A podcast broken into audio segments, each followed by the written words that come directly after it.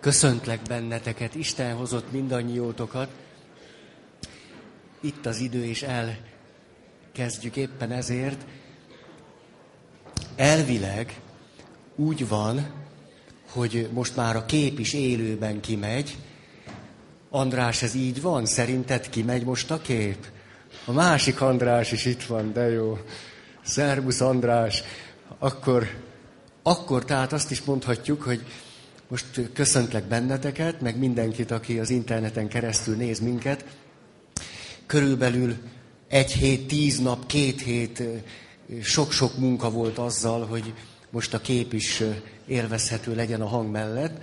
Úgyhogy nagyon köszönjük azoknak, akik dolgoztak vele. Na most még egy valami, hogy belázasodtam néhány nappal ezelőtt, és most már jövök ki belőle, de nem gyógyultam még meg. Úgyhogy ezt látjátok rajtam, arra jutottam, hogy úgy fogok ma előadást tartani, hogy nem szoktam olyan nagypapásan. Majd ücsörgök, el vagyok, olvasgatni fogok. Hát a, tényleg erre gondoltam, hogy fölütünk egy-egy könyvet, és akkor, akkor olvasgatok. Nem nagyon megy, nem nagyon futja most több. Elmentem a gyógyszertárba, két-három nappal ezelőtt, és kérdeztem, hogy hány láscsillapítót lehet bevenni egy nap alatt, és akkor megmondták, hogy rubofemből hatot, és akkor tartom magam ehhez. Úgyhogy így, így vagyunk. Ma már egy picit könnyebb, de nem akarnám úgy tenni, mint hogyha jól lennék. Mert akkor most elkezdek itt ugrálni, és akkor három napig meg a nyelvemmel súrolom a földet, és Hát biztos így lenne, és olyan sok minden van a héten is, amit nem szeretnék lemondani, úgyhogy akkor inkább takaréklángon. Nézzétek ezt el nekem. Hát ne, nem esik jól így, hát úgy esik jól, hogy, hogy lehet, lehet, és nyilván hallom a magam hangját, hogy na is csak éppen csak takarékom van. Na, így, így vagyunk. Ilyen ember, ilyen talán a, a helyszínről, változásokról majd a végén. Nem, nem hozom most ezt ide, majd a végén menjünk bele most a témába, és aztán majd szót ejtünk arról is, az is fontos nyilván. Minden esetre nagyon örülök, hogy itt lehetünk. Nagyon, nagyon, hogy van, van egy hely, ahol lehetünk, és hogy hosszú távon lehetünk. Köszönet már is a MOM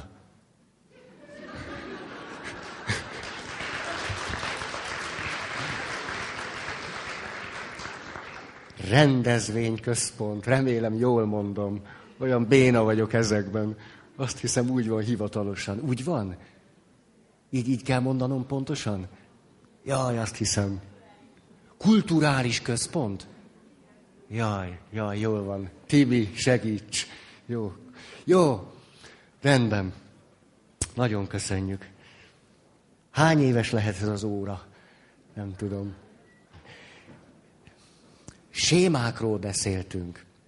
De nem, nem a sémák miatt önmagában, nem egy sématerápiás kurzus, ezt minden alkalommal két mondatban mondom, hanem mert, hogy a sématerápiának az irodalma nagyon jó segítségünkre van abban, hogy rálássunk egy sok megközelítésű, sok szempontú, sok dimenziójú, kiérlelt világlátással arra, hogy hogyan láthatjuk, érthetjük, értelmezhetjük a sérültségeinket, a sebzettségeinket, de közben nem a sebzettség középpontú látásmóddal akarunk figyelni és gondolkodni, hanem mindez csak valamiképpen eszköze annak, hogy hogy tudnánk növekedni, hogy tudnánk fejlődni, hogy tudnánk akár a sérüléseinkkel, a sebzettségeinkkel együtt is nagyon értékes és értelmes életet élni. Persze, azzal a vágyjal, reménnyel, azzal a befektetett energiával, hogy gyógyulunk,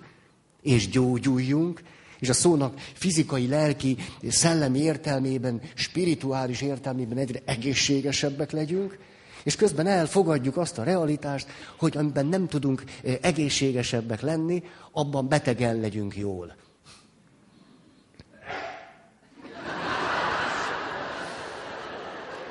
Tessék! milyen rettenetes lenne, egy előadáson nem lehetne trüsszenteni. Ugye csak az egészségesek jöhetnének. Na, nem is tudom ma mi lenne. Szóval így jutottunk el egy sémához, amit elkezdtünk azért már kibontani, talán két alkalommal, olyan rég találkoztunk, hát három hete volt, és azóta világvége is volt, és egyéb, a karácsonyról, új évről ne is beszéljünk.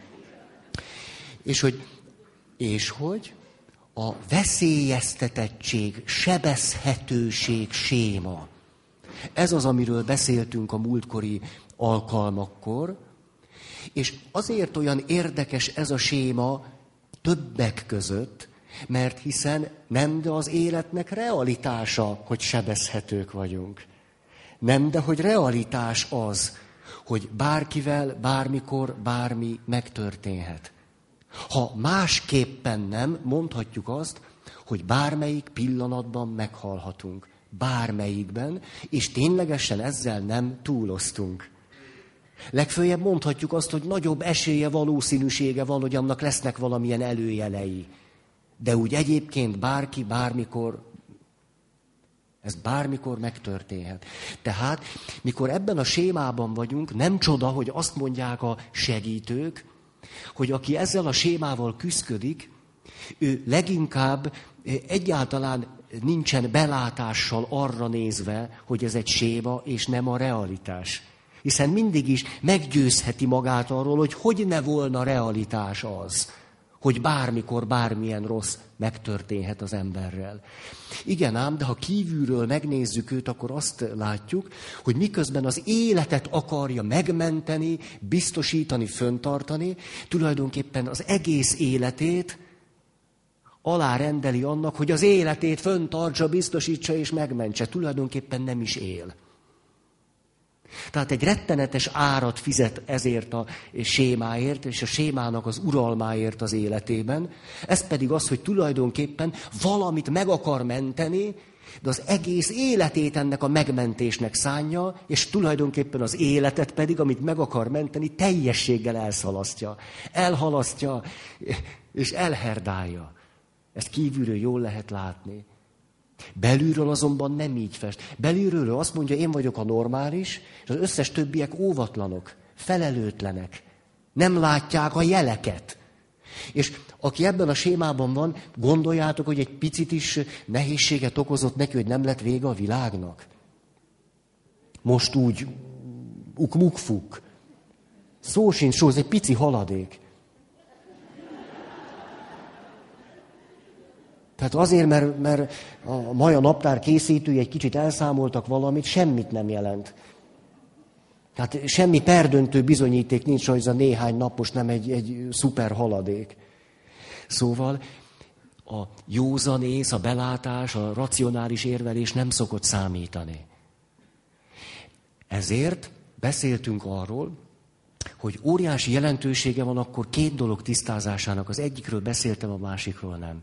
Az egyik így szól, hogy milyen tudatos vagy nem tudatos döntést hoztam arról, hogy van-e oltalom vagy nincs. Van-e valamiféle gondviselés vagy nincs. Hogy létezik-e olyan, hogy valami segítséget kaphatunk másoktól. Hogy valaki oltalomba részesít minket, megvéd bennünket, segítségünkre siet. Létezik ilyen, vagy egyáltalán nem létezik ilyen? Erről mindenki hoz egy tudatos vagy nem tudatos döntést. Hogy az élet, a világ egy rettenetesen veszélyes hely, és senkire nem lehet számítani, csak magamra, vagy pedig van olyan, hogy valaki segít a másiknak. Hogy van valamiféle oltalom. Most még csak nem is fölfelé nézek, hanem egyáltalán, hogy az egyik ember képes oltalmazni a másik embert, hogy ilyen létezik, vagy nem létezik. Hogy van-e jó szándékú törődés a másikkal, vagy nem létezik ilyen. Erre tudatos vagy nem tudatos választ szoktunk adni. Aki ebben a sémában él, ő azt a választ adja, hogy ilyesmi nem létezik. Hogy erre jobb nem is építeni. Ilyesmi nincsen. Az embernek a saját kezébe kell vennie a sorsát, és mindenért én vagy tudok valamit tenni, vagy nem. Tehát az ember ezért nagyon fenyegetett és kiszolgáltatott. És erre hoztam egy gondolatmenetet, talán erre is emlékeztek, hogy az óriási lehetőségünk nem az, hogy teoretikusan föltesszük a kérdést, van-e gondviselés vagy nincs, hanem megértjük a kérdés mélyén a kihívás, fölszólítás, személyesség jelleget, és nekilátunk másoknak gondját viselni. Megfelelő keretek formájában, megfelelő szerepekben, megfelelő helyzetekben, megfelelő módon. Nem túl segítve, nem túl oltalmazna, megfelelő módon.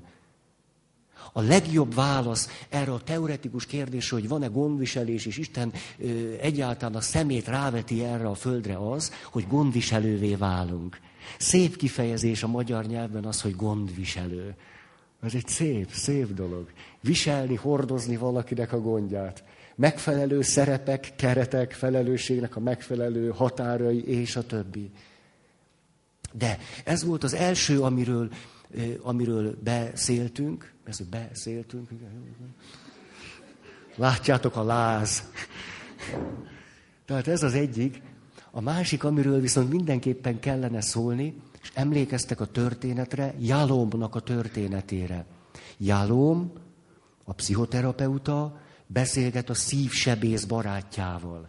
Ugye talán emlékeztek, akik itt voltatok, hát nem itt, ott voltatok, de itt voltatok, hogy ú, egy szívenütő történet. Nagyon szívenütő. És a végén az álmot meséltem el belőle, hogy egy zsidó származású, az Egyesült Államokban sív, sív, szív sebészé váló nemzetközi hírű gyógyító, aki sok-sok-sok-sok embernek adja vissza az életét, hogy ő egy milyen választ ad a gyerekkori sebzettségre. Hogy mi a különbség a sebzettség vezérelt és a teljesség vezérelt élet között. Nem az a különbség, hogy valaki megsebződik, és a másik nem, mert előbb-utóbb mindenki megsebződik, vagy fölismeri a sebzettségét jó esetben, hanem hogy kizárólag a sebzettség vezéri az életét, és közben alig-alig gyógyul ráadásul, vagy a teljesség vezérli az életét, és mellesleg ajándékban még gyógyul is. Hogy ez is egy alapvető döntésünk, tudatos vagy nem tudatos döntésünk. És hogy látjuk ezt a szívsebész embert, aki tulajdonképpen azt a rettenetes élet élményét, ahogy, ahogy, ahogy állandóan döntenie kell élet és halál fölött, bizonyos értelemben mások élete és halála fölött, zsidó 17 éves fiúként, hogy megmentek-e valakit, vagy nem, bedobom-e a kézigránátot a haladó tömegbe, vagy nem dobom be, hogy kivágom-e magam egy szorult helyzetből, vagy nem. Tehát, hogy döntenem kell élet és halál fölött és között, hogy ezt újból és újból megismétli, de egy életadó helyzetben. Szívsebészként, embereket megmentve. Ez egy építő válasz egy rettenetes emberi sorsa és sebződésre. Egy építő válasz. Ez gyönyörű szép. És közben válasz egy kimondott, ki nem mondott kérdésre, hogy van-e oltalom. Hogy vannak, akik ugyanerre a helyzetre azt mondják, ezután már nem lehet hinni Istenben. Vagy ezután senki nem mondja nekik azt, hogy van gondviselés. Ez egyesek válasza. De ők azt mondják, hogy az életesemény indokolja ezt a választ. Nem az életesemény indokolja, hanem az belőlük következik egy életesemény hatására. Mert ugyanerre az életeseményre mások más választ adnak. És nem mondhatjuk, hogy nem, mert így van. Ettől még az az esemény lehet egészen rettenetes, embertelen, és, és, és, és, és hosszan lehetne mondani. De lehetséges egy más választ adni rá. Nem találtam oltalmat annak idején, és én most mindent megteszek azért, hogy mások oltalomra lejjenek az én tevékenységem által. Ez egy gyönyörű válasz. Egy rettenetes sebzett élethelyzetre. Minden esetre annyit mondunk csak, hogy ez lehetséges. És a második nagy téma, amit mindenképpen, tulajdonképpen ezzel a sémával kapcsolatban nem kerülhetünk ki. Ez egy igazi egzisztenciát mélyen érintő séma. Ez pedig a halálhoz fűződő viszony. tudva, nem tudva, akarva, akaratlanul, tudatlanul, vagy nem tudatosan, valamilyen döntést hozunk arra nézve, hogy meg fogunk halni. Ki ilyen, ki olyan választ ad erre a kérdésre? És hogy ez a séma a markába kaparinte bennünket, múlik azon, hogy a saját halálunkra, mulandóságunkra, vagy a szeretteink halálára, mulandóságára milyen választ adunk. Azért mondom, hogy akár a szeretteink, mert van úgy, hogy valaki a saját halálával annyira nem mer szembenézni, hogy csak a szerettei halálán keresztül meri a témát magához közelengedni. Tehát ő mindig csak azt tematizálja, hogy mi lenne, ha az apám, anyám, gyerekem valakivel valami baj történne, vagy meghalna. Ebben az összefüggésben tud a témához közel jutni, a saját halálával egyáltalán nem mer szembenézni. Tehát lehet, hogy valaki a saját haláláról való gondolkodást nem is magán tudja elkezdeni, mert az úgy túl rázós neki, hanem egy másikon keresztül. És hoznék akkor ide egy történetet. Egyszer ezt elmeséltem talán pár évvel ezelőtt, de jól esik ülni. Én föl nem állok. Szóljatok, ha lejárt az idő.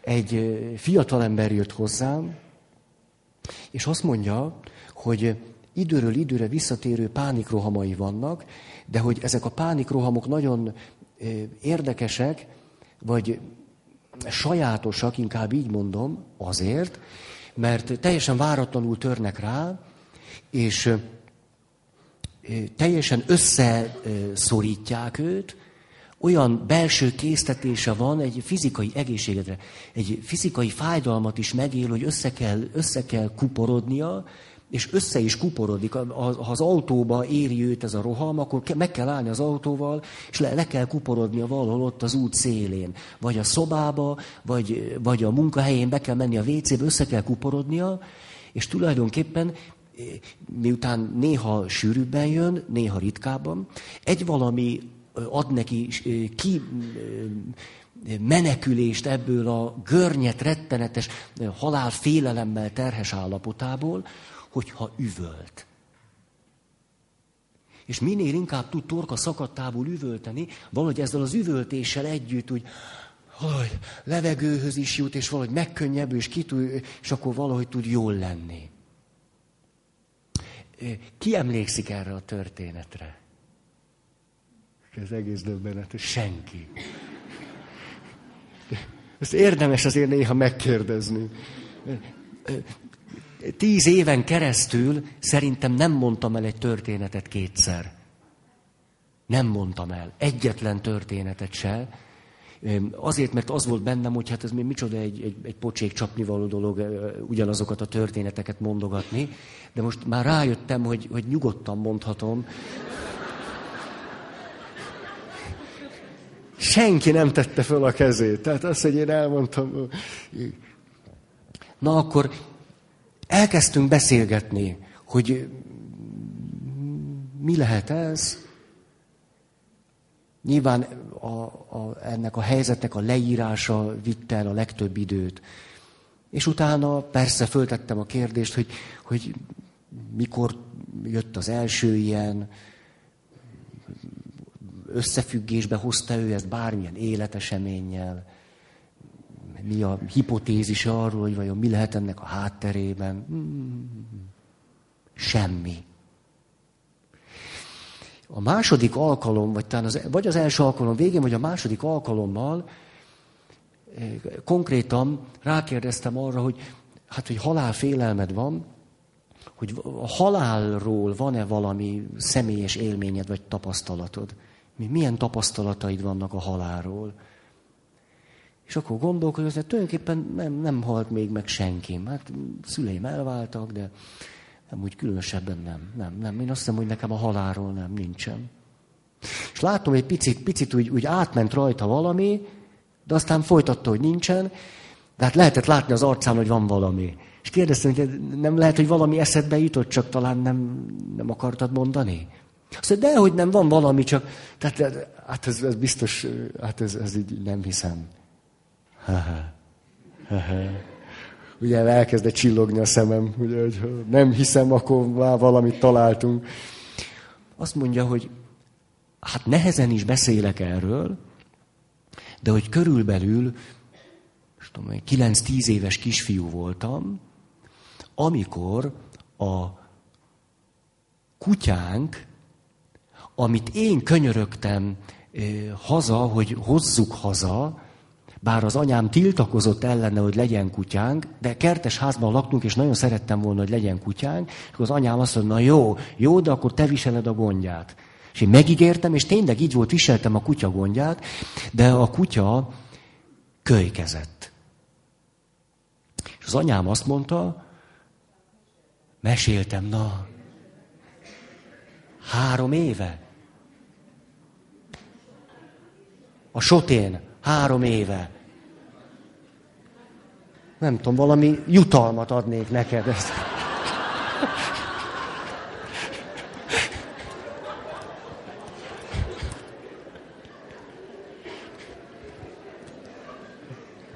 És nem tudom, forráz le kívülről, mert méz.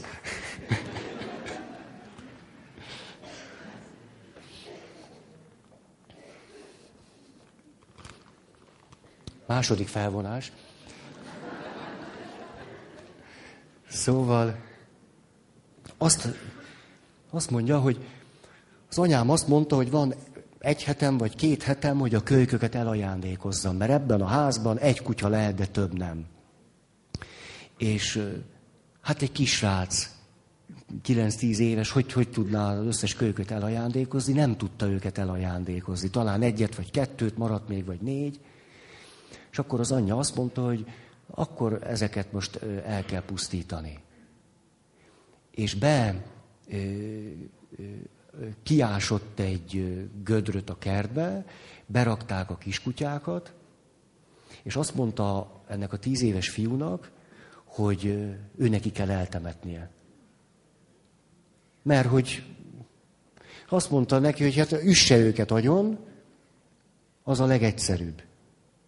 Tehát gondolhatjátok, a kisfiúnak nem, hát szerette a kutyákat, ezért nem csapta agyon a kutyákat, de nem volt ereje, mersze, bátorsága ellent mondani az anyjának, és ezért ráhordta a földet, és hogy visszaemlékezett, azt mondta, hogy hallottam, hogy ezek a pici kutyák hát vonyítanak a, a föld alatt. És azt mondja, hogy hallom, hogy ketyeg az óra. Még csak, hogy csönd lett. Hogy azt mondja, hogy nem hinné, hogy ezzel lenne összefüggésben, de hogyha kérdezem, hogy a halállal milyen kapcsolat, vagy hogy, hát akkor leginkább ez, ez jut eszébe. De hát ezek kutyák, hát ez biztos nem. És akkor kezdtünk összefüggéseket nézegetni, hogy nem lehet-e, hogy mégiscsak van összefüggés a, a kutyák története és az ő szorongásos, halálfélelmes rohamai között, hogy össze kell görnyednie, és aztán valahogy az üvöltéssel együtt tud megkönnyebbülni. És ahogy beszélgettünk erről, látszott, hogy azzal, hogy ki mondhatóvá vált az, hogy ő mit csinál tíz éves korában, ez egy nagy megkönnyebbülést hozott neki. És látszott, hogy kifejezetten jobban lett ettől. Megkérdeztem tőle, hogy mit gondol a kutyák mennyországbeli létezéséről. Hát mondta, hogy a kutyáknak, hát miért fölvilágosítottam, hogy az egész teremtett világ sóhajtozva várakozik, vágyakozik arra, hogy Isten dicsősége megnyilvánuljon rajta. Tehát valamiképpen az egész teremtett világ a megdicsőlés állapotába kerül, már pedig a kutyák is. Ez akkor azt jelenti, hogy a kutyáknak is valamiféle megdicsőült létezését elhihetjük nem egyszerűen csak elenyésznek úgy, hogy van, hanem valahogyan a odaátban is lesznek. Hmm. Ez akkor lehetővé teszi azt, hogy bocsánatot kérjen tőlük. ezen nagyon meglepődött, és azt ajánlottam neki, Kérdeztem, hogy tudja hogy hol vannak a kutyák. Azt mondta, hogy ne tudnám. Annyira ketyek, hogy nem, nem tudom.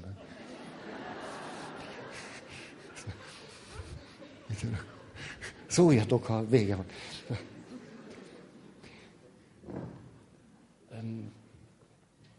Hogy oda kellene mennie ahhoz a helyhez, ahol a kutyákat elásta, és kérjen bocsánatot a kutyáktól.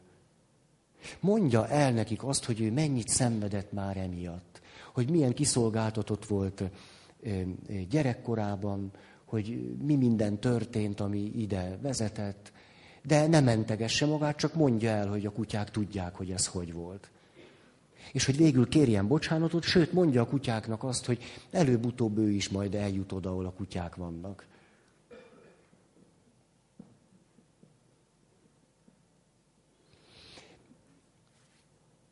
Kicsit hitetlenkedve nézett rám, és azt mondta, hogy de ez nagyon tetszik neki, ez jó ötlet, és elment.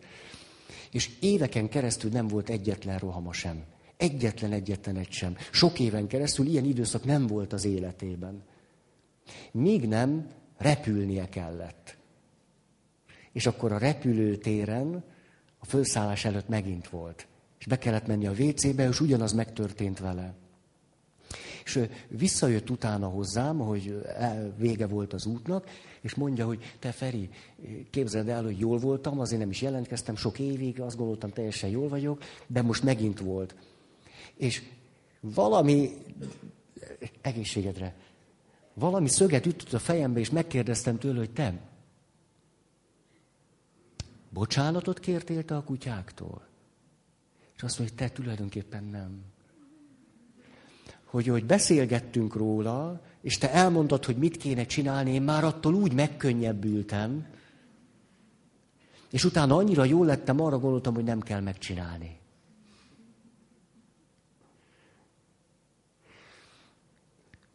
Nem is volt nálam egy órát. Ez tisztázódott 15 perc alatt. Én nem mondtam, hogy csinálja, azt mondtam, szerintem ezt érdemes volna megcsinálnia. Azt mondtam, most már én is tudom. Elment a kertbe, bocsánatot kért a kutyáktól, és azóta jól van. Ez a történet számomra például egy alapvető személyes tisztázás a halálhoz fűződő viszonyt illetően. Itt sajátosan, itt nem a saját halálom, de közben, közben, közben ezt nem is akarom most túragozni. Ez egy tisztázás, hogy mit kezdjek azzal, hogy részese voltam ezeknek a kiskutyáknak a halálában. Ez, e, ezzel valamit kell kezdenem. Tehát a második nagy téma, ami kikerülhetetlen, és ez a séma nagyon jól előhozza, hogy tisztáztam-e a halálhoz fűződő viszonyomat. Milyen döntéseket hoztam mikor mm, megbocsájtásról beszélünk, vagy arról, hogy tudjátok, a Szentírásnak van ez az egyszerű mondata, Jézusnak a gondolata, jobb adni, mint kapni, meg a szelidek öröklik a földet, akkor olyanok, akik a halálig látják csak az életet, ezt mindig valamilyen ideálnak tartják csak. Valami ideológiának, ideálnak, vagy naivitásnak. És azt mondják, ha valaki csak önmagáig lát, vagy a halálig lát, akkor minden olyan gondolat, ami túlmutat ezen, a számára naivitás, nevetséges, szemfényvesztés. Olyasmi, ami előbb-utóbb az életnek a próbáját nem állja ki. Ezzel gyakran találkoztam. Érthető, amit mondok? Tehát azt mondod valakinek, hogy hogy légy nagyvonalú valakivel, aki egyáltalán nem volt veled jó. Szóval jó, jó, tényleg úgy szépen hangzik, na de, na de. Bocsáss meg valakinek, dehogy bocsájtok meg. Azok, akik magukig látnak, nagyon be vannak zárva a saját fájdalmaik, sérelmeik, sebzettségeik világába, vagy a halálig látnak, Mindent, ami azon túlmutató szemléletmódot hordoz, nem azon túlmutatónak látják, hanem naívnak, nevetségesnek, gyerekesnek, értelmetlennek, szépelgésnek, költészetnek, illúzórikusnak, éretlennek, gyerekesnek, és nem is tudjuk velük megértetni, hogy nem az. Nem tudjuk. Nem tudjuk. Ezt már nagyon gyakran tapasztaltam. Egyszer csak beleütközik egy falba, ez pedig a saját korlátainak a fala, én azon biztos nem tudok átmenni. Ő mindig is naivitásnak fogja tartani azt, például sok esetben, amiről Jézus beszél, gyerekesnek fogja tartani. Azt mondja, nagyon szép, de a realitás nem ilyen. A realitásban persze nagyon is benne van ez, csak ez nem a realitáson innen van, még a naív korszakunkban, hanem ezen a fajta realitáson túl. De aki nem lát túl az énnyén és a halálon, ő mindig azt fogja gondolni, hogy ezek a gondolatok a realitásnál kevesebbek. És nem érzékeli azt, hogy ezek a realitásnál többek, egy túlmutató realitást fejeznek ki. És vitatkozni teljesen fölösleges. Mindaddig, amíg valaki egyszer csak meg nem sejt valamit, át nem él valamit, akkor egyszer csak övé lehet egy élmény, vagy vissza nem emlékszik egy élményére, és nem kezd el ahhoz ragaszkodni.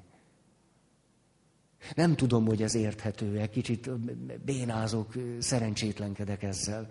Mert húsz éven keresztül kísérleteztem azzal, hogy valakik, akik mondjuk a spirituális szempontokat naivitásnak tartják, vagy nevetséges valóságtól való elrugaszkodottságnak, hogy őket hogy lehetne valahogy, valahogy megmutatni, hogy ez, ez nem naivitás. Hogy lehet nagyon naívan csinálni, erről beszéltünk is éppen a felnőtté válás kapcsán. Egy fiatal, csillagszemű, ifjú hölgy, aki azt gondolja, nem történt az emberrel semmi rossz. Ez a naivitás. De amikor valaki azt mondja, hogy akkor is oda megyek valakit megsegíteni, ha valami rossz történik velem, az nem naivitás. Hát oda menni valakinek segíteni és vállalni a kockázatot, hogy nekem is bajom essék, az nem naivitás.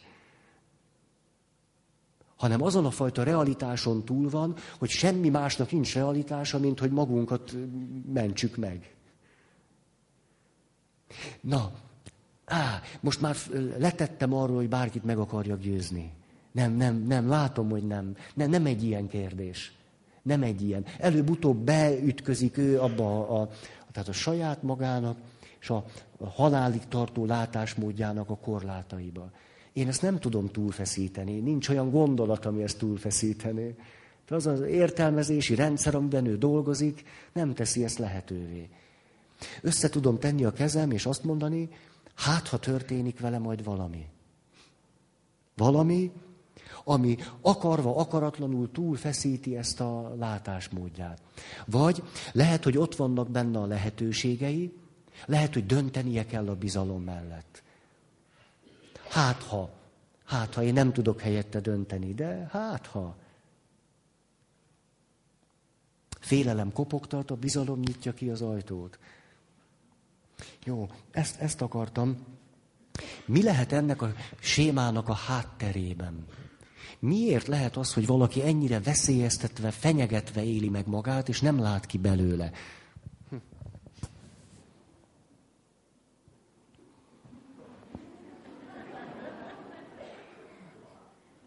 Nem vagyok a régi. Kólát nem bírok kinyitni.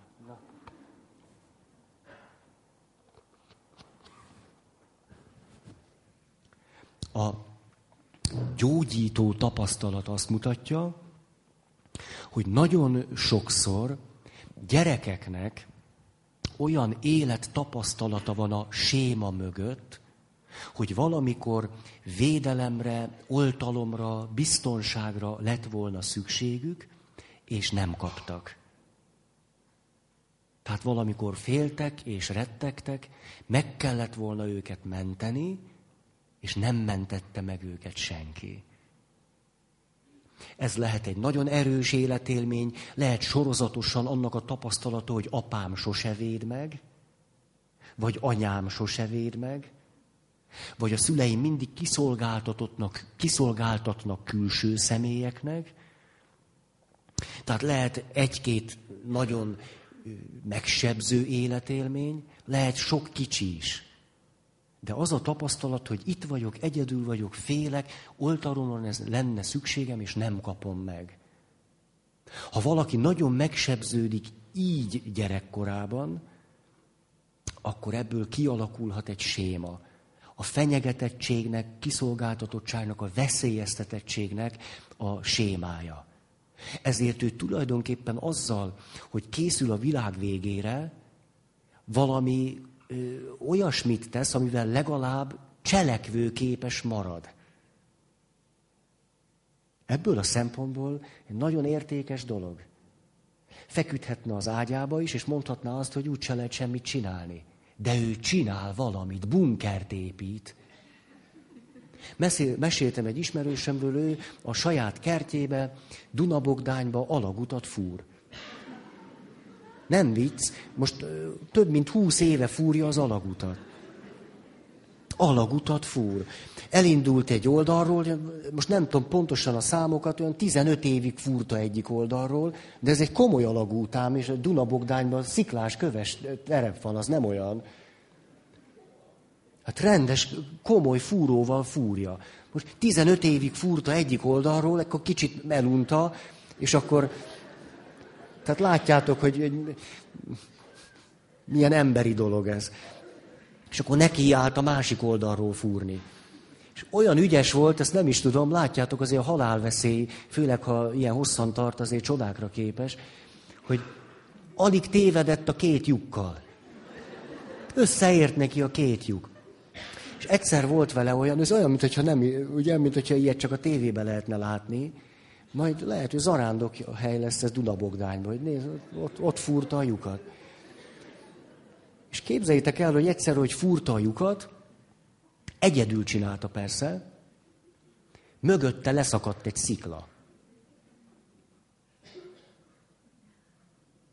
Ugye ez, lehet, azt, ez lehetett volna egy nagy önbeteljesítő jóslat, ugye? ugye? Próbálom túlélni, fúrom a lyukat, és tessék. Én mondtam, hogy, hogy nincs oltalom, nincs biztonság. De az volt a hihetetlen szerencséje, hogy egy elektromos fúróval fúrt, és a szikla, ami leszakadt, nem tette tönkre a vezetéket. És ezért most a másik oldalról kifúrta magát.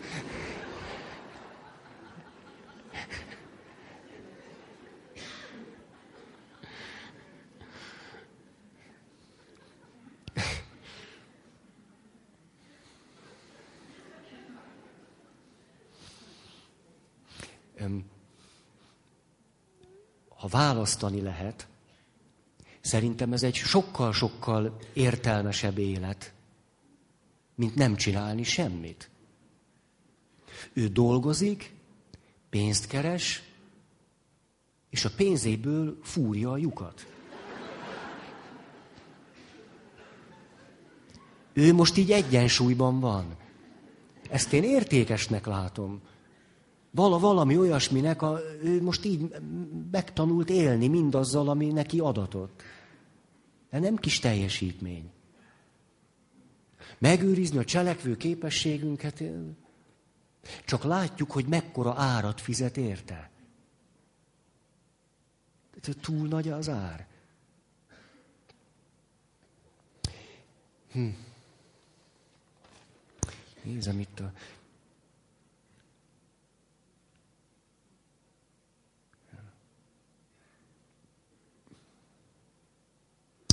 Igen. Hoznék akkor, olvasok, hoznék akkor egy példát arra, hogy milyen az, amikor nem valami egyszerű, egyszerű, traumatizáló életesemény miatt alakul ki valakinek ez a sémája, hanem például egyszerűen csak egy hosszantartó és különösebben egyáltalán nem rossz indulatú szülői magatartás miatt.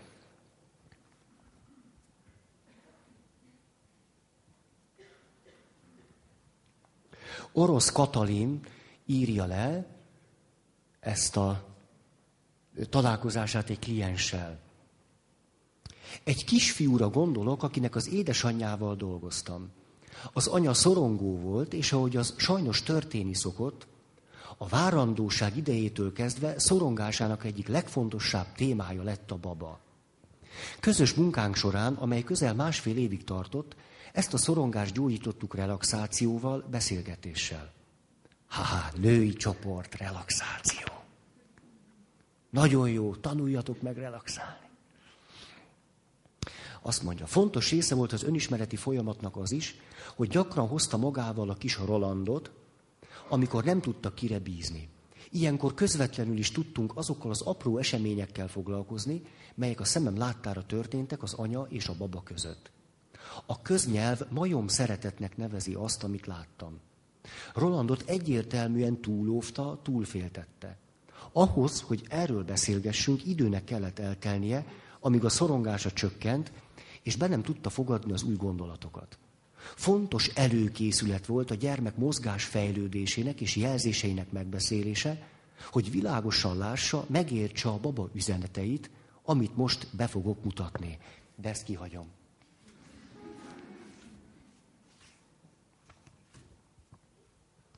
A probléma alapvetően az volt, hogy az édesanyja saját szorongása miatt nehezen tudott figyelni a baba valódi szükségleteire.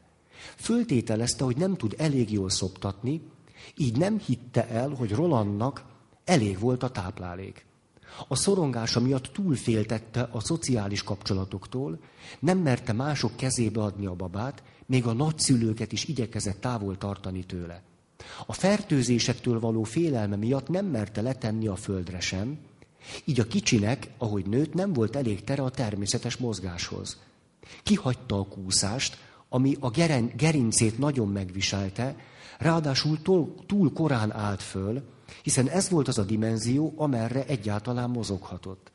Az anya nem nézte jó szemmel férje kicsit szabadabb játékát a gyerekkel, aggódott, ha a férfi dobálta a babát. Roland megijedhet a hirtelen mozgástól, mondta. Valóban egyre félénkebb lett Roland, és a papával már nem ismert játszani. Az üzenet, amit az anya tanít a világról, vigyázz, mert baj lesz. Húzódj vissza, anya jobban tudja, mi segít neked. Ez elbizonytalanította a kicsit, aki az anyja jelzéseire figyel, ahelyett, hogy maga tájékozódna a világban. Fokozatosan elveszíti a kapcsolatot saját testi érzéseivel, és mivel érzelmeit nem tudják jól visszatükrözni, egyre inkább kiszolgáltatottá válik anyja jelenlétének. A mi ez kérdés föl sem merül már benne, annyi baj van a világban, biztonságosabb anya szoknyája mellett maradni. A beszélgetések során anyja megtanulta saját szükségleteit megkülönböztetni Rolandétól. Elmélyítette magában, hogy ha neki megnyugtatásra van szüksége, azt ne a kisfiától várja, hanem kezdeményezzen beszélgetést más felnőttekkel. Megtanulta, hogy a babának önálló kifejezései vannak arra vonatkozóan, hogy mit szeretne. Így ezt meg is lehet vele beszélni. És a helyzetet a baba is befolyásolni tudja. Roland itt teret kapott arra, hogy fölismerje és kifejezze saját szükségleteit, és sorolhatnánk még sokáig a változás jeleit, hiszen valóban szinte mindent érintett az anya átalakulása. Tehát egészen onnantól kezdve, majd a magzati korról szeretnék beszélni, hogy mennyi teret kap egy pici baba a mozgásnak. Ha nem kap egy pici baba a mozgásnak teret, és a különböző mozgás fázisok nem tudnak létrejönni, az hat az idegrendszerre, hat az agyműködésre, mindenre hat. Minden összefüggésben van a mozgással. Ja, látom, itt vannak szakemberek, nagyon bólogattok. A mozgás, a mozgás, a mozgás. Minden egyes mozgás elemnek megfelelő ideig, főleg megfelelő korban, eh, ha nem megy végben, mindenre hatást gyakorol. És tudjátok, mi a legszebb orosz Katalin, aki terapeuta, eh, eh, súlyos gerincbetegséggel élt, és saját magát gyógyította meg. És elmondja a saját történetét is, ez is egy jó példa arra, hogy lehet a sebzettségből válaszolni az életre, meg a sebzettségre adni választ. Azt mondja, hogy az 50-es években született első gyerekként, az első gyerek egyébként is gyakran ugye rajta veszt. Például azért, mert hogyan alakul ki egy pici baba biztonságérzete? Sokféle szempont hozható ide, de például úgy, hogy látlak téged, hogy egy anya fogja a gyerekét, és hogyha a másodikat, harmadikat fogja, ha csak nem gyakorolta be magát nővérként a kistesóinál, és, és, és, és a hagyományosabb világban nyilván már gyakorolhatta ezt, hogy biztonságosan tudja tartani a gyerekét. Bal oldalt mindig.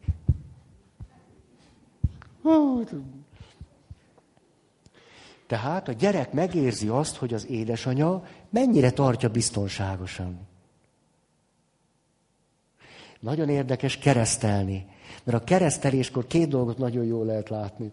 Az egyik, hogy az anya mennyire tartja biztonságosan a piciét, hogy mi az a olyan természetes mozdulata van-e. És mikor mindig a kereszteléskor van egy pont, ezt szoktam mondani, hogy amikor a vízzel való leöntés történik, fektessétek vízszintesbe a babát. Annyira jól lehet látni azt, hogy van, aki gyakorlatilag egyetlen rutinos mozdulattal vízszintesbe fekteti a babát, egy másik anyuka pedig, hogy ott aggódik, fél és szorong és rutintalan, ahogy, ahogy veszkődik azzal, hogy vízszintesbe kerüljön.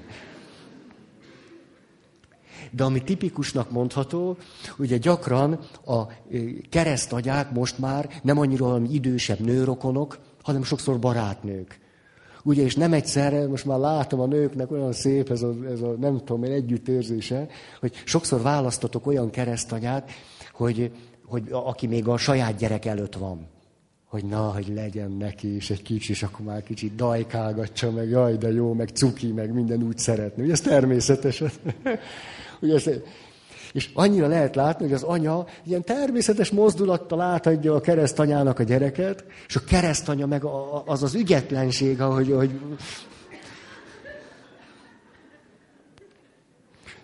Na, szóval, szóval, például egy pici baba természetes módon megérzi azt, hogy amikor az anyja a kezébe fogja, akkor ez egy biztonságos tartása vagy nem. És ha egy gyerek érzi, hogy az édesanyja biztonságosan fogja, tehát a legkisebb izommunkával fogja csak, tehát ott feszül az izom, ahol kell, és nem feszül az izom, ahol nem kell, akkor ő elengedi magát. Ő nem tartja magát, mert tudja, hogy az anyja őt tartja. Hát miért tartaná magát, ha anya tart? De ha az anya engem nem tart biztonságosan, akkor a gyerek elkezdi tartani magát. Ezért a teste megfeszül. És közben az anya gondolhatja azt, hogy én tartom a babát. Csak hogy a baba már...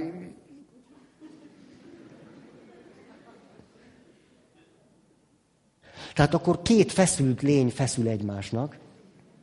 Az anya is feszült, és a baba is feszült. És feszes minden izom. Hát ez nyilvánvalóan egy üzenet arról, hogy van-e oltalom a világban, vagy nem. Hogy van-e biztonság, vagy nem. Elengedhetjük-e magunkat, vagy nem. Hogy lehet-e élvezni az életet akkor is, ha meghalunk, vagy nem. Hát szerintem lehet. Lehet-e betegen élvezni az életet? Hát nem annyira, de próbálkozni lehet.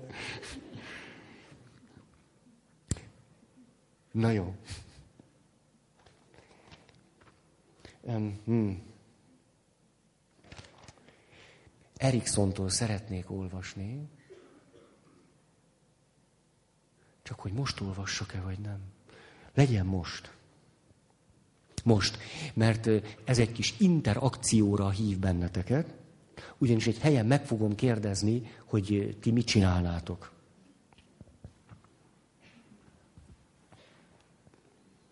Azt mondja. Kérdező. A kérdés nagyon nehéznek tűnik, rettenetesen szakmainak. hát közben pedig nem csak úgy nézhetjük. A kérdés az az, hogy mit kellene kezdeni azzal, hogyha serdülőkorban a gyereknél nagyon rettenetes tünetek jelennek meg. Valami serdülőkori mélyrepülésben van, lelki értelemben. Tegyük föl, mondja a kérdező Eriksonnak, valaki fölhív és azt mondja, van egy 19-20 éves gyereke, nagyon jó fiú, de ezen a héten hirtelen elkezdett sétálni a környék utcáin, egy nagy keresztet hordozva. Már a nyakába.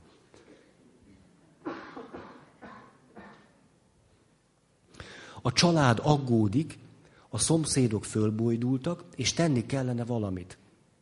Hogyan gondolnál erre a problémára? Egy ilyen bizarr viselkedésre mit tennél?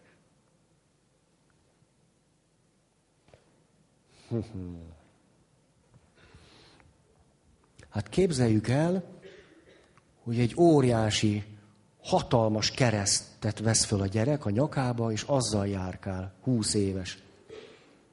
Te gyereked. Könnyű a máséről gondolkodni. Nem. Máséval mit csinálnál? Magadéval. Nyuszi fül.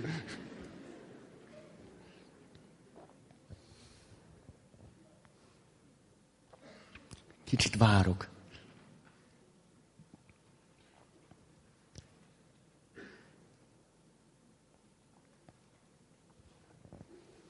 A kérdés mögött annak föltételezése is áll, hogy lehet, hogy valamilyen pszichotikus eseménynek ez már a része. Tehát lehet, hogy valami komolyabb dolog. Ó.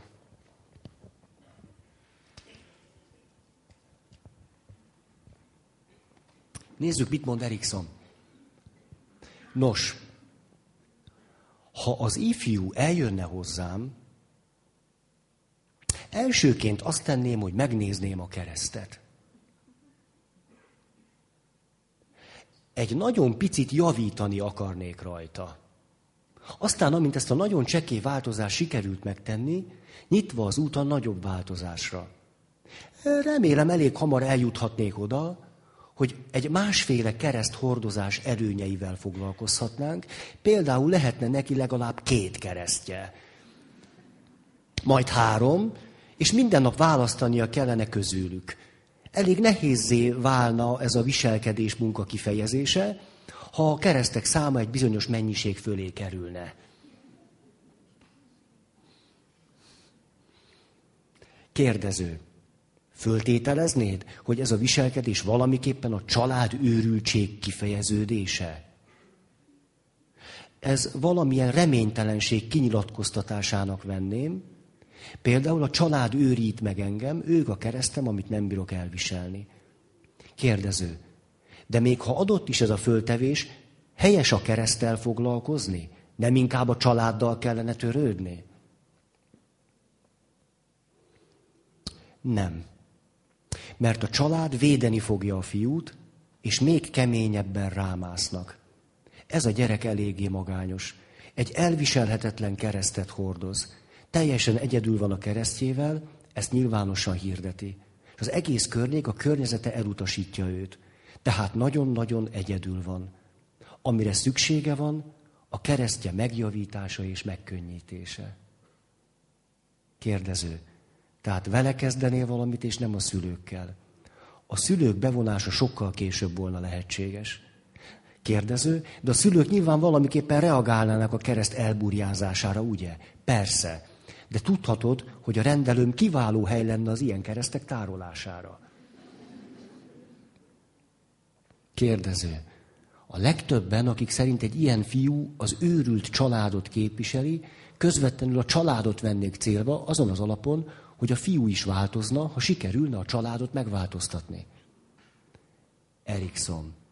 Mondanék egy példát. Valaki segítséget kér tőled, és te azt találod, hogy egy nagy kőomlás van az oda vezető országúton. Látod, hogy van egy kerülőút, azon csak egy kő van. Nyilván a kerülőutat választod, mert a túloldalon várják a segítségedet, és tenned kell valamit. A nagy halomkő a család. A kerülőút az egykővel a pszichotikus fiatal. Neki egy olyan területet nyújtasz, amelyben szabadnak tudja érezni magát, önmaga tud lenni, és ahol a különlegességét nem utasítják el, hanem figyelembe veszik. Megfelelő, gondoskodó figyelmet érdemel, nem pedig destruktív, romboló figyelmet. A családdal csak ezután foglalkoznék.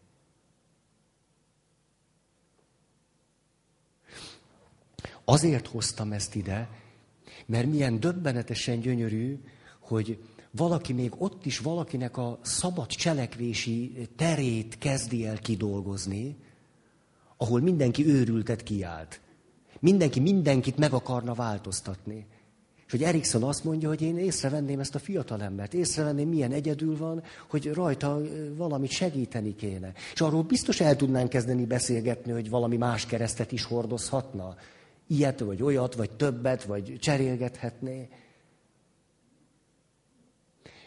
Azért hoztam ezt ide, mert óriási nagy dolog, amikor ebben a kiszolgáltatottság, fenyegetettség, sérülékenység, veszélyeztetettség sémában valaki rátalál arra, hogy mit is tud ő tenni magáért. Ez nagyon-nagyon nagy dolog. A következő lépés pedig, amikor rájön arra, hogy ez egy séma. Ez a következő nagy lépés. Nem is akarok erről többet, és jöjjön a következő séma. Úgy nevezik, hogy összeolvadottság, éretlenség. Összeolvadtság, inkább így. Összeolvadtság, éretlenség. Aki összeolvadtság, éretlenség sémában van, nézzük mi a három cselekvési forma. Ha teljesen hatása alatt van a sémának, akkor például mindent elmond az anyjának, ami vele történik. Mindent. Mindig hazamegy, mindenről beszámol. Nincsen saját élete, nincsenek titkai, mindig mindent megoszt az édesanyjával. Az édesanyja helyett megoszthat az apjával az apja helyett a férjével, vagy a feleségével, vagy a testvérével. De nincs saját élet, hanem van valaki, akinek ő mindig mindent elmond, és mindig mindenről beszámol. Ez történik akkor, hogyha a séma teljesen hatása alatt tart valaki. Mi történik akkor, hogyha valaki elutasítja azt a világot, ami benne a sémát aktiválni tudná? Akkor kerüli a kapcsolatokat, kerüli az intimitást. Kerüli azokat a helyzeteket, amelyben ő elmondhatna mindent valakinek, akitől ennyire összeolvadságban él. A legérdekesebb azonban a harmadik, hogy mit jelent a túlkompenzálás. A, ha valaki túlkompenzálja ezt a sémát, akkor a számára fontos személy, vagy személyekkel szemben mindenféleképpen másmilyen akar lenni. Tehát semmiképpen nem akarja azt tenni, mint amit az anyja mond neki. Vagy amit az apja mond neki, vagy ahogyan a testvére él. Semmiképpen, semmilyen szín alatt úgy nem, mint ahogyan a másik. Az a számára potenciálisan összeolvadással kecsegtető másik. Ez azért olyan érdekes, mert sokszor minden realitást nem túl, hanem megelőz az, hogy valaki miért nem hallgat a jó szóra.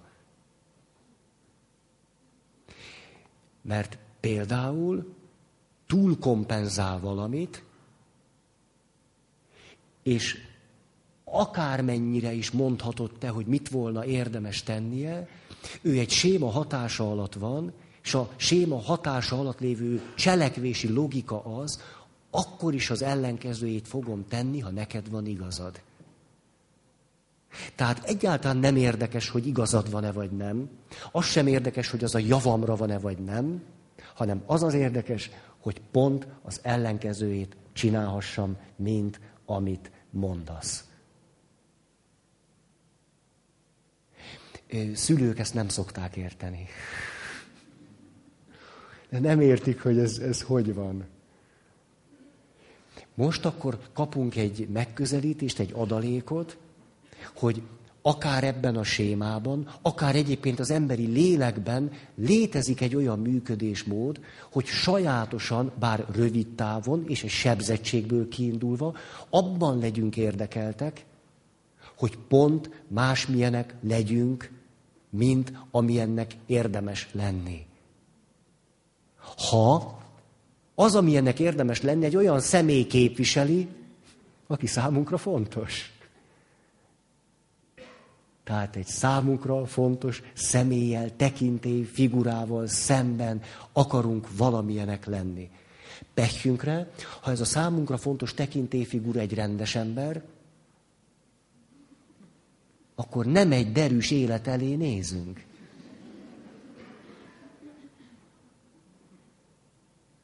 Ezt megint rengetegen nem értik. Szülők fogják a fejüket, ezt, de ho, miért csinálja ezt?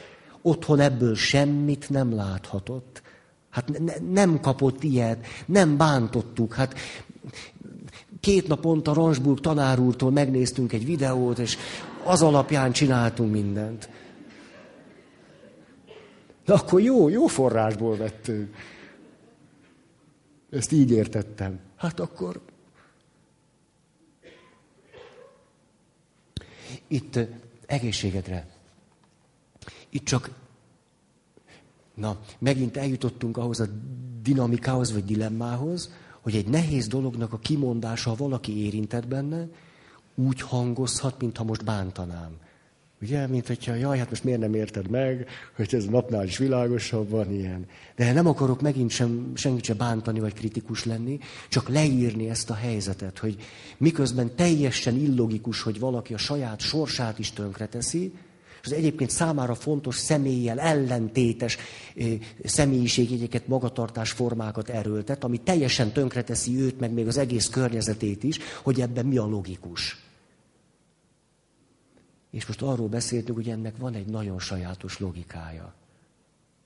Például, hogyha valaki a saját autonómiáját, a saját identitását azáltal próbálja megőrizni, vagy kiformálni, hogy semmiképpen se legyen hatással rá egy számára fontos személy. Érthető ez, ugye? És akkor nézzünk amerikai filmeket, amikor az illető már mindenféle kábítószert kipróbált, és már háromszor visszahozták a klinikai halálból, és nem tudom én mi, és végül az apja, aki 150-szer kitagadta, és egyébként mindent élte, ért, halt, és akkor ott, ott nem tudom, ölébe fogja a fiának a fejét, az intenzív osztályon, 150 csőlók ki belőle, és akkor végül a fiú, a fiú kimondja azt, hogy de hát apám, hogy büszke vagy rám, hogy szeretsz még. És akkor az apa azt mondja, igen, szeretlek. Elég macerás életút.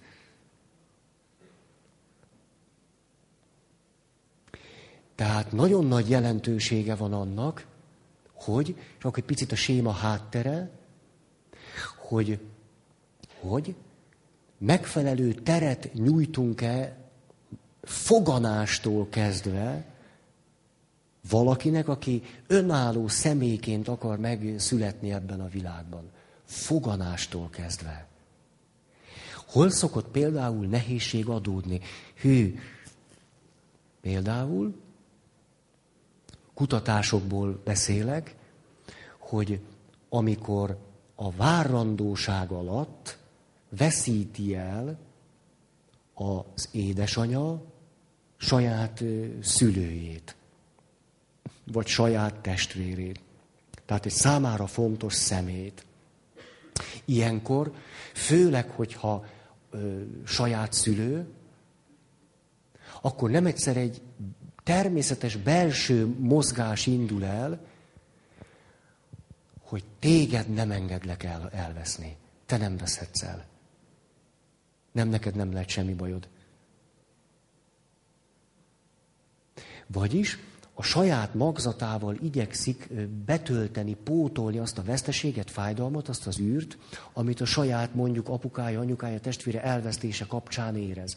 Különben is egy nagyon nehéz helyzetben van egy, egy áldott állapotban lévő anyuka, aki egyszerre készül arra, hogy életet adjon, és közben azzal szembesül, hogy egy életet kéne elveszni, hagyni és gyászolni. Ez nagyon nehéz dolog egyszerre két dolgot csinálni. Tehát siratni valakit és várni valakit, az szinte ember fölött ilyen nehéz. Tehát egyáltalán nincs semmi kritikánk a, a, az édesanyák felé, akik ezzel a kettővel egyszerre nem tudnak megbírkózni.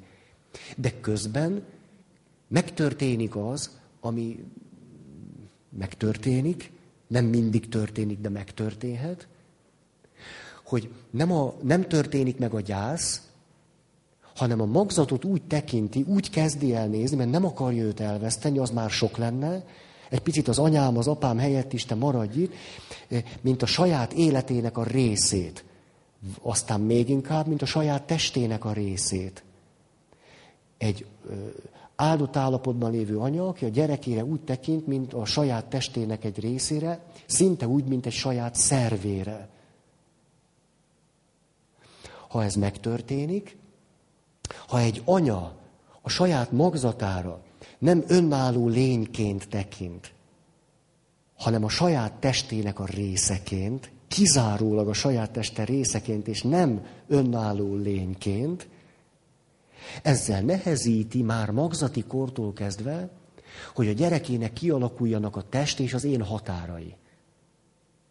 A kutatások egyértelműen mutatják, hogy egy magzatnak már fejlődő test és én határai vannak. Fejlődő, alakuló, alakuló test és én határai. Akkor, ha az édesanyja őt úgy látja, mint önálló lényt. Hát egy pici magzat nem tudja magától kisütni, hogy én egy önálló lény vagyok. Ezt onnan tudja, hogy az anyja így látja. Tehát ezért óriási jelentősége van annak, hogy egy anya a saját gyerekét magzatként önálló lénynek tekinti-e, vagy nem. Mert minél inkább önálló lénynek tekinti, minél inkább tudja, hogy ez vagyok én, és ez a magzatom, ez a magzatom, és ez vagyok én, és mi kapcsolatban vagyunk egymással. Ez nem a kapcsolat elárulása, és egy csodálatos kapcsolat van köztünk. De attól még én én vagyok, ő meg ő. Ezért is szokott az lenni, hogy sokszor, mikor pici, tehát áldott állapotban lévő édesanyákat gyóntatok, azt szoktam elégtételnek adni, hogy beszélgess a magzatoddal. Szólítsd meg az ő nevét. Van már neve? Van. Nevezd a nevén. Mondd a nevét, mondd, hogy Például milyen nagy kérdés, hogy mikor lesz neve a gyereknek. Nem is biztos, hogy rögtön az a név kell, ami majd az anyakönyvezése kerül, de hogy megszólítom-e őt valamilyen néven, amiről tudhatja, hogy az az ő neve. Az az ővé, az senki más nem szólítom őt meg, mert őt szólítom úgy.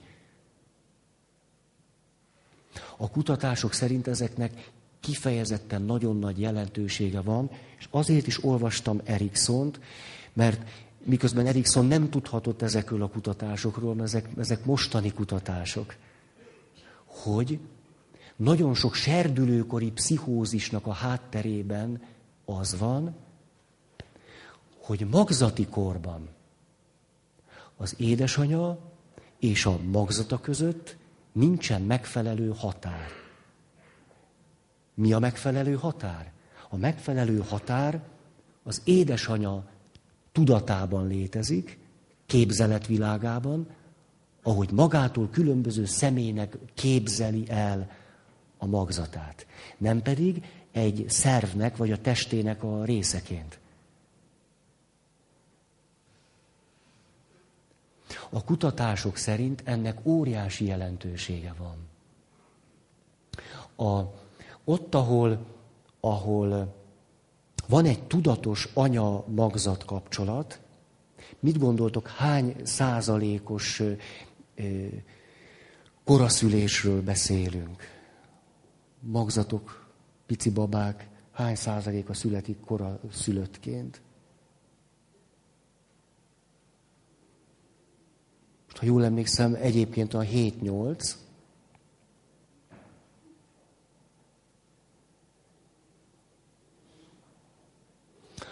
A válasz nulla.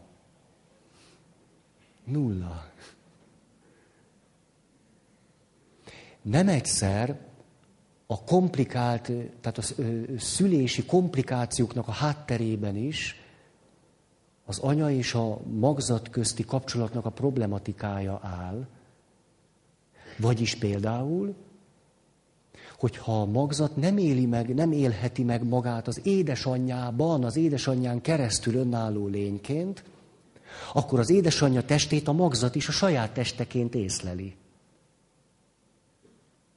Ezért például nem akar kijönni. Közel húzódik az anyja szívéhez. Az anyja szívét a saját szívének éli meg. Farfekvése lesz. Tehát egy csomó olyan komplikáció, ami látszólag teljesen esetleges, ma már láthatóan összefüggésben van az anya és a magzat közti kapcsolattal. Az, ahogyan egy, egy áldott állapotban lévő anya képes saját magát külön személyként megélni, és a magzatát külön személyként, ezáltal létrejönnek a test és az én határnak a föltételei. Ennek mi van a hátterében? Há, erről olvastuk az első részt, és látjátok a végén, mint egy krími, minden szál összeáll. Gondoljatok vissza az első történetre. Kimutatható összefüggés van, vérzések, szülési komplikációk, vetélések, koraszülések, és az édesanya és a saját anyja közti kapcsolat között. Egyszerűbben is tudom mondani, minél inkább egy fiatal édesanya, aki áldott állapotban van, meg tudja magát különböztetni a saját anyjától, annál inkább van lehetősége arra, hogy megkülönböztesse magát a saját magzatától. Ráadásul valaki minél inkább nem tudja megkülönböztetni magát a saját anyjától, mert még nem, nem eléggé önálló személy, annál inkább a magzatra ki fog hatást gyakorolni. Két dolog, a saját anyja, tehát a nagymama, a másik pedig a saját magzati élményei.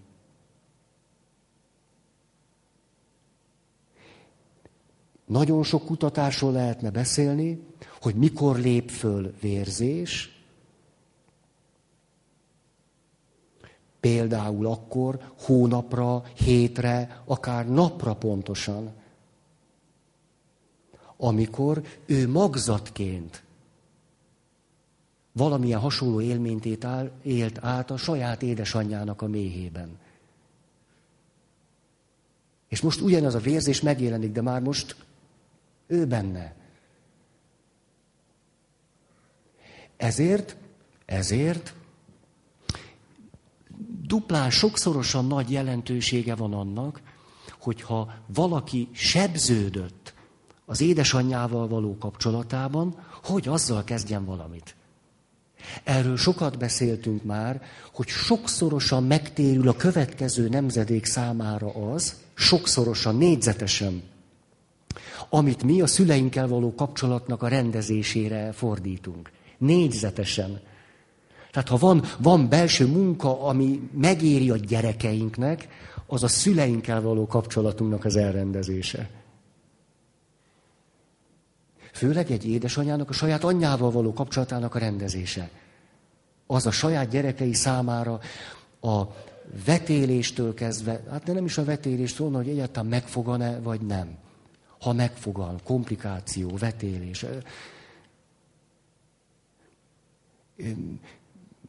Na, olvasok erről akkor, jó, hogy mégiscsak. Hí, de dehogy jó, eltelt az idő. Nem, akkor egy zárót, zárót olvasok. Csak nem, nem, nem tudom, hogy szépe.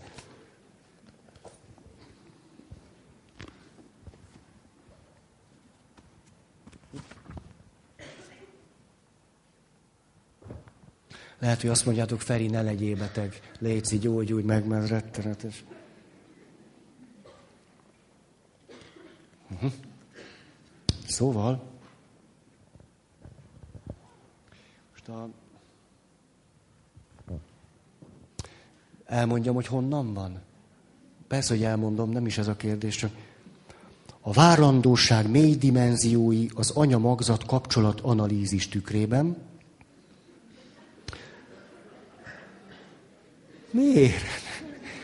Nem valami gagyit hozok nektek. Mici mackó, meg... Transpersonális lélektran. Transpersonális. Ez egy kicsike kis kötet. Nagyon. Tündi-bündi. Na, gyerünk, Feri. Rafai Jenőnek a cikke. Kérem, szépen. Befejezésül, tényleg ide ez van ideírva, ez a cikknek a vége.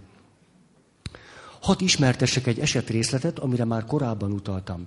Említettem, hogy a függőségi konfliktus, főleg ha látens marad, meddőséget, sorozatos vetéléseket okozhat. Az alábbi eset tipikus, elég, gyra, elég gyakran előforduló konstelláció.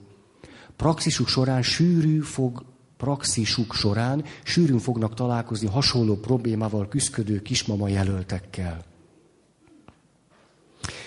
Rékának két terhessége volt eddig, mind a kettő a 17. hétben vetéléssel végződött. Mindkét esetben a 12. héttől kezdődtek alhasi fájdalmak, nyilalások, majd vérzés, ezt követően a vetélés. Az orvosok mindkét esetben infarktusos felületet találtak a placentán. Réka olvasta a Lelki Köldögzsinó című könyvet, a kapcsolatanalízis utolsó reménységnek tartja. Az első interjúban annyit tudunk anyjáról, hogy elvált, egyedül él, sok szervi bajjal. Depresszióban szenved a leírt kép alapján. Tehát az anyának az anyjáról van szó, aki depresszióban szenved. Nagymama. Réka sokat van vele, hogy a magányát enyhítse. Ezt ő természetesnek tartja. A kérdésemet, hogy ez mekkora terhet jelent neki, elhárítja. Minden egyes alkalommal rákérdezek anyjánál töltött idejére. Egyre fokodó, fokozódó aggodalmáról beszél anyja egészségi állapota miatt, aki egyre erőteljesebben panasz, panaszkodik magányossága miatt. Miután vészesen közeledünk a 17. hét felé, megkockáztatok egy összefüggést, hogy a gyakori látogatásával kiválthatja anyjával szemben érzett bűntudatát, lelkiismeret furdalását. Réka visszautasítja a közlésem. Már csak egy hét van hátra a kritikus időpontig. Rékában is, bennem is nő a feszültség. Ismét anyjával kapcsolatos aggodalmainak szenteli az első tíz percet. Utolsó lehetőség arra, hogy megfogalmazzam neki, mit gondolok. Azt mondom, benne föltehetően a saját gyermeke és anyja harcol érte. Hm? Tehát a magzat és az anya harcol a lányér. Kié legyen? Maradjon-e anyja gyermeke, akinek az a feladata, hogy gondoskodjon róla, róla élete végéig, vagy a saját gyermeke anyja legyen. Akkor viszont anyját veszítheti el, aki szokta is mondani, neki már nincs sok idő hátra. Andrea azon az órán nem szólalt meg többet. Viszont dönt. A baba túléli a 17. hetet. Anyja szemben az előző két babával most mellette dönt. Gyermeke a 40. héten a világra jön.